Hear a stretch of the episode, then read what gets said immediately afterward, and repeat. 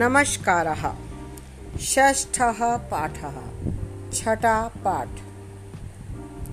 चाणक्यः चंद्रगुप्तः च। चाणक्य और चंद्रगुप्त। इस पाठ में चाणक्य और चंद्रगुप्त पर आधारित कथा का वर्णन है। इस पाठ में मुख्य रूप से ता और तवतु प्रत्ययों को समझाने का प्रयास किया गया है। उनका विश्लेषण किया गया है।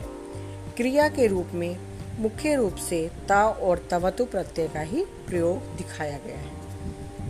अब चलते हैं पाठ की ओर। तक्ष शिलायाम एक ब्राह्मण आसीत। तक्षशिला में एक ब्राह्मण था।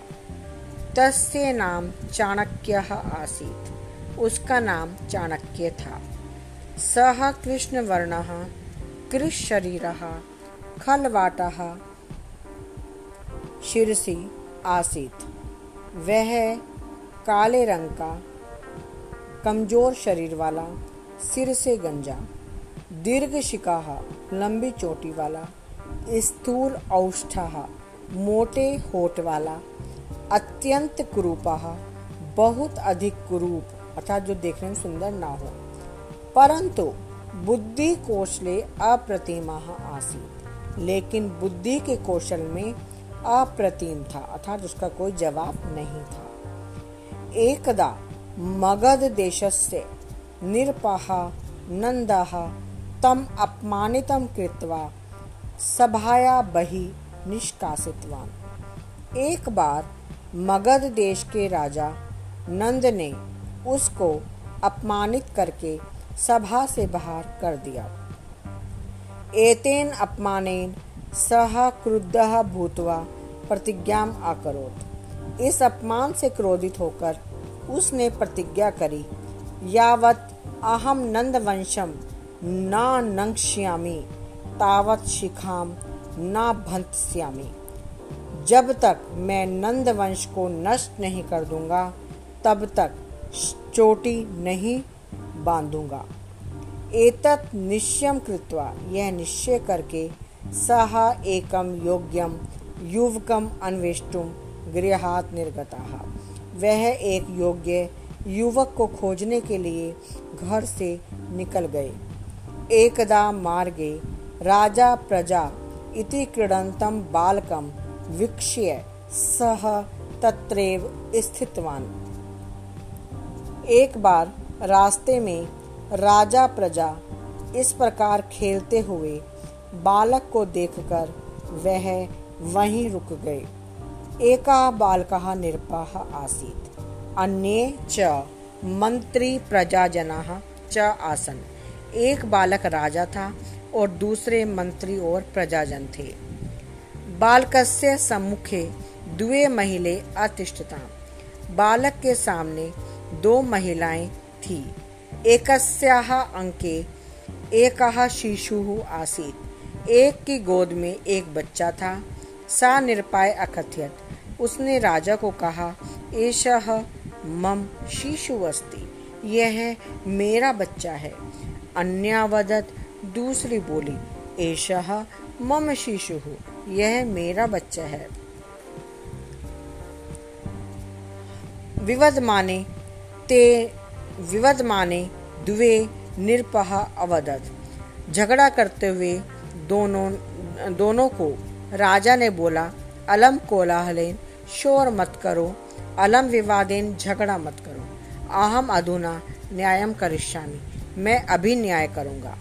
सह सैनिकम आदिष्टवान, उसने सैनिक को आदेश दिया। शीशोह द्वे खंडे कृत्वा, अर्धम अर्धम, ताभ्याम यच। बच्चे के दो टुकड़े करके आधा आधा उन दोनों को दे दो। तदैव एका महिला निरपस्य चरणयो पतित्वा अवदत। तभी एक महिला राजा के चरणों में गिरकर बोली, महाराज, एवं माँ कुरु, ऐसा मत करो। शिशु माँ मारिया, बच्चे को मत मारो। शिशुम तस्य एव महिलाए यच्छतु। बच्चा उसी महिला को दे दो। बालक निरपहा अवदत। बालक राजा बोला सैव शीशो हो माता अस्ति वह ही बच्चे की माँ है। चाणक्यः एतत् सर्वम् अपश्यत् बालकस्य च। न्यायं दृष्ट्वा स्तब्धः जातः। चाणक्य यह सब देख रहा था और बालक के न्याय को देखकर आश्चर्यचकित हो गया। चाणक्यः बालकस्य मातु अनुमत्या च तक्षशिलाम अनयत चाणक्य बालक की माता की अनुमति से उस बालक को तक्षशिला ले गया। तक्षशिला विश्वविद्यालय शिक्षा अधिगत्य सह बालक कुशला योद्धा, राजनीतिज्ञ च अभवत। तक्षशिला विश्वविद्यालय में शिक्षा प्राप्त करके वह बालक कुशल योद्धा और राजनीति को जानने वाला हुआ। सह चाणक्य से सहायतया नंदम नष्टवान मगध देशस्य च निरपा उसने चाणक्य की सहायता से नंद को नष्ट किया और मगध देश का राजा बन गया। सह चंद्रगुप्त मौर्य इति नामना प्रसिद्ध जाता। वह चंद्रगुप्त मौर्य इस नाम से प्रसिद्ध हुआ। चाणक्य च महामंत्री अभवत। और चाणक्य उसका महामंत्री बना। चाणक्य स्व के अनुभवेन। चाणक्य के अपने अनुभव से और चिंतन से। राजनीति आश्रितम। राजनीति के आश्रित अर्थशास्त्रम नामयिक ग्रंथ लिखिता। अर्थशास्त्र नाम का एक ग्रंथ लिखा गया। अधुना अब भी यह ग्रंथ विभिन्न स्तरेशु विभिन्न स्तरों में पाठ्य पुस्तक रूपेण पाठ्यते पाठ्य पुस्तक के रूप में पढ़ाया जाता है। तो इस पाठ में जो बच्चों तवतु प्रत्यय का प्रयोग हुआ है, उनको मैं एक बार दोहराती हूँ अर्थ के साथ। अपमानितम में त प्रत्यय, निष्कासितम तवतु प्रत्यय, क्रुद्ध त प्रत्यय, निर्गत त प्रत्यय, स्थितवान तवतु प्रत्यय, आदिष्टवान तवतु प्रत्यय स्तब्धः ता प्रत्ययः, जातः ता प्रत्यय, नष्टवान तवतु। प्रत्यय का प्रयोग जाता में ता प्रत्यय आश्रित में ता प्रत्यय, और लिखिता हमें ता प्रत्यय। जो ये ता प्रत्यय का प्रयोग है, हम भूतकाल के अर्थ में करते हैं, और तवतु प्रत्यय का भी हम भूतकाल के अर्थ में प्रयोग करते हैं। ता प्रत्यय का त शेष रहता है, और तवतु का तवत शेष रहता है, अर्थात का का और ऊ की मात्रा का लोप हो जाता है। तो इस पाठ में हमने चाणक्य की नीति को समझा। चाणक्य के बारे में जाना कि वे कितने बुद्धिमान थे। तो बच्चों, हमें भी उन्हीं की तरह एक अच्छा नीतिज्ञ बनना का, बनना चाहिए और बनने का प्रयास करना चाहिए।